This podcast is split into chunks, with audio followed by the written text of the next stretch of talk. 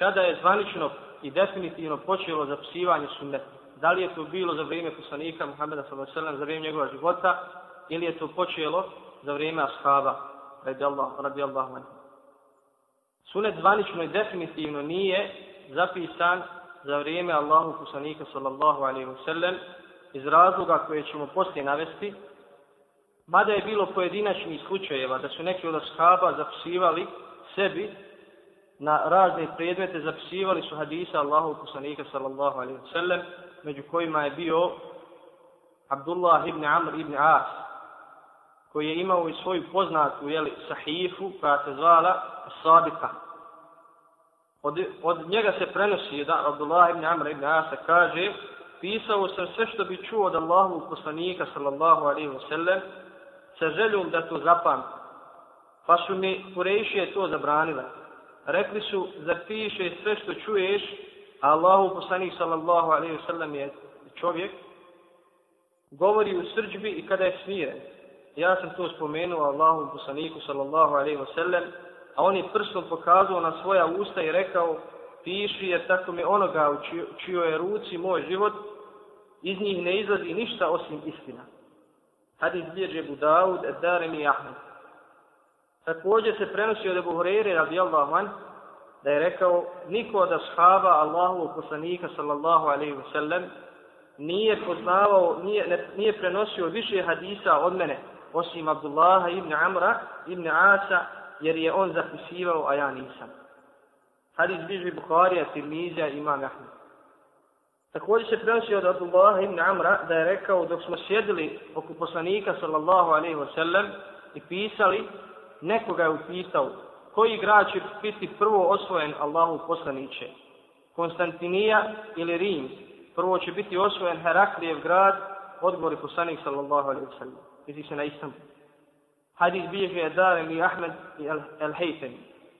Nakon ovih hadisa, koji nam govore da je među ashabima bilo oni koji su zapisivali sunnet i hadis, postavlja se pitanje da li postoji, kako su ashabi mogli zapisivati hadis, kad postoje druge predaje, druge hadisi od poslanika sallallahu alaihi sallam, kojima se prenosi da je on to strogo zabranjivao, da je strogo zabranjivao zapisivanje hadisa.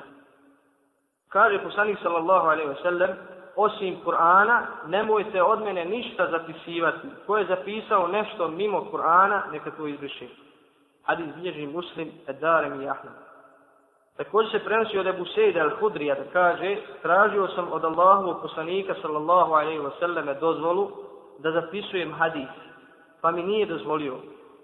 Tirmizija, hadis bliži Tirmizija i Darem. Također, ka, također kaže Buhurera radijallahu an, dok smo zapisivali hadise, dođe nam Allahu poslanik sallallahu alaihi wa sallam i upita šta to pišete? Hadise koje smo čuli od tebe odgovori smo knjige mimo Allahove knjige reče poslanik pa nastavi. Znate li da su oni koji su živjeli prije vas otišli u zabudu samo zbog toga što su uz Allahu knjigu pisali i druge knjige? Pitali su mu Allahu poslaniće hoćemo li prenositi od tebe? Reče nema smetnje da prenosite ono što kaže ako na mene namjerno slaže, neka pripremi sebi mjesto u džehennemu. Hadis bilježi imam Ahmed.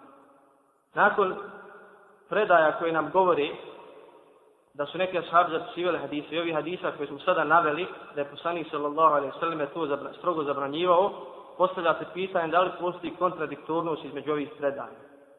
Ako pogledamo, jeli, zaključujemo da postoji, međutim u suštini ne postoji nikakva kontradiktornost, to zaključujemo iz jeli, mišljenja islamskih učenjaka, a naročito učenjaka hadijske, hadijske nauke.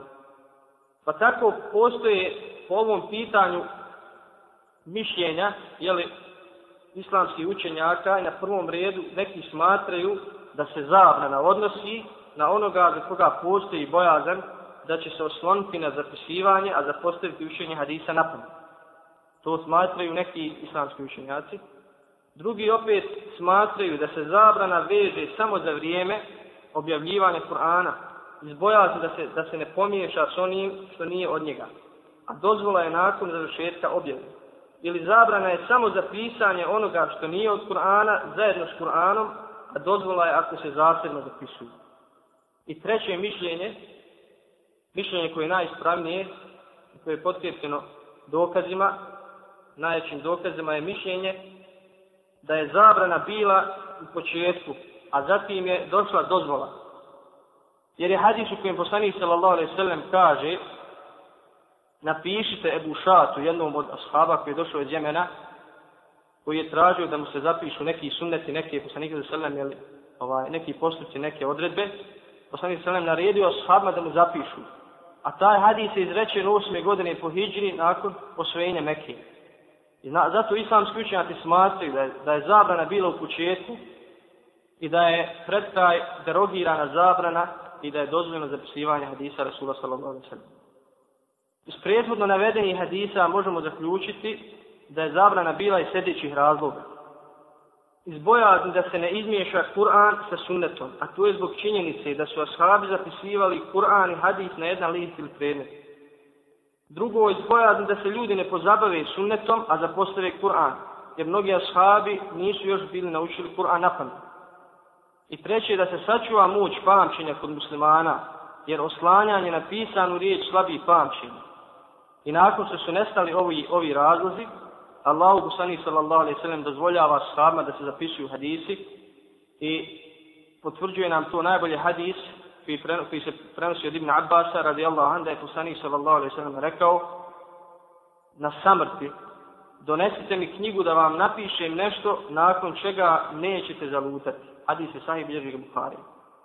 Znači ono što je najispravnije da je zadnje što je zabilježeno poslanik sallallahu alaihi sallam da je dozvola za zapisivanje hadisa Rasula sallallahu alejhi ve sellem. Nakon smrti Allahu poslanika sallallahu alejhi ve sellem mnogi od ashaba su prezirali zapisivanje sunneta, među njima je bio i Omer radijallahu anhu. I on je prvi koji je razmišljao, nakon smrti poslanika sallallahu alejhi ve sellem koji je razmišljao o zvaničnom sakupljanju i zapisivanju sunneta i hadisa. Pa kaže, prenosi se od Urveta ibn Zubeira radijallahu an, da je Omer radijallahu anh htio zapisivati sunnet, pa se je posavjetovao, posavjetovao sa ostalim ashabima i oni su mu preporučili da zapisuje. Omer je pri tom pitanju činio istiharu, po tom pitanju činio istiharu mjesec dana, jednog dana, nakon što mu Allah Đelešanu podare odlučnost reče, želio sam da zapišem sunnet. I sjetio sam se naroda, naroda koji su živjeli prije vas. Napisali su knjigu oko koje su se pozabavili i zapostavili Allahu knjigu, ja, tako mi Allaha, nikada Allahu knjigu neću miješati s nečim drugim. I to je bio njegov stav određeno vrijeme, baš zbog postojanja onih razloga koje smo malo prije naveli, znači da, ne, da se ljude ne ostane na zapisivanje, da postave pamćenje, da se ne bi zmiješao Kur'an i sunnet, tako da.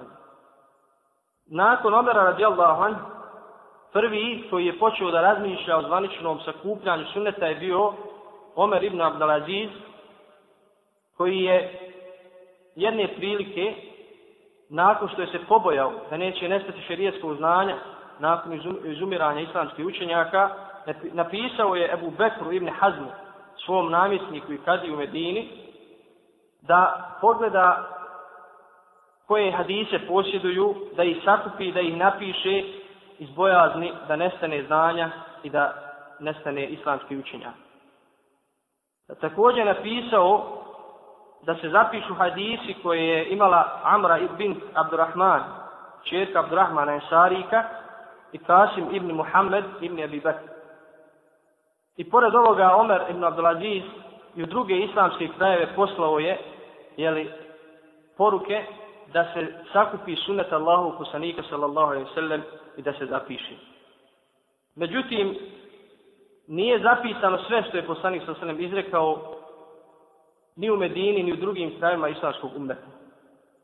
Prvi koji je udario kamen temeljac zvaničnom zapisivanju sunneta i sveobuhvatnim zapisivanju sunneta bio je poznati hadijski učenjak tog vremena, imam Zuhri, koji je bio poznat u to vrijeme po poznavanju sunneta, tako da mnogi za njega kažu da je u svom vremenu najbolje poznavao sunnet i da je, kako kaže imam i muslim, znao 90 hadisa i prenosio je koje drugi nisu, koje, koje drugi nisu prenosili.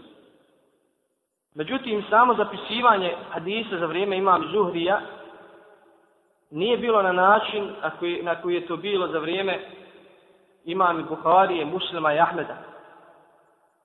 Zapisivali se zajedno sa hadisima Allahu poslanika sallallahu alejhi ve sellem zapisivali se i zapisivali se riječi ashaba, fetve tabiina i sve ono što je se vezalo za komentar jeli, određenih hadisa. Naravno, to je bio početak i svaki početak ima svoje jeli, propuste.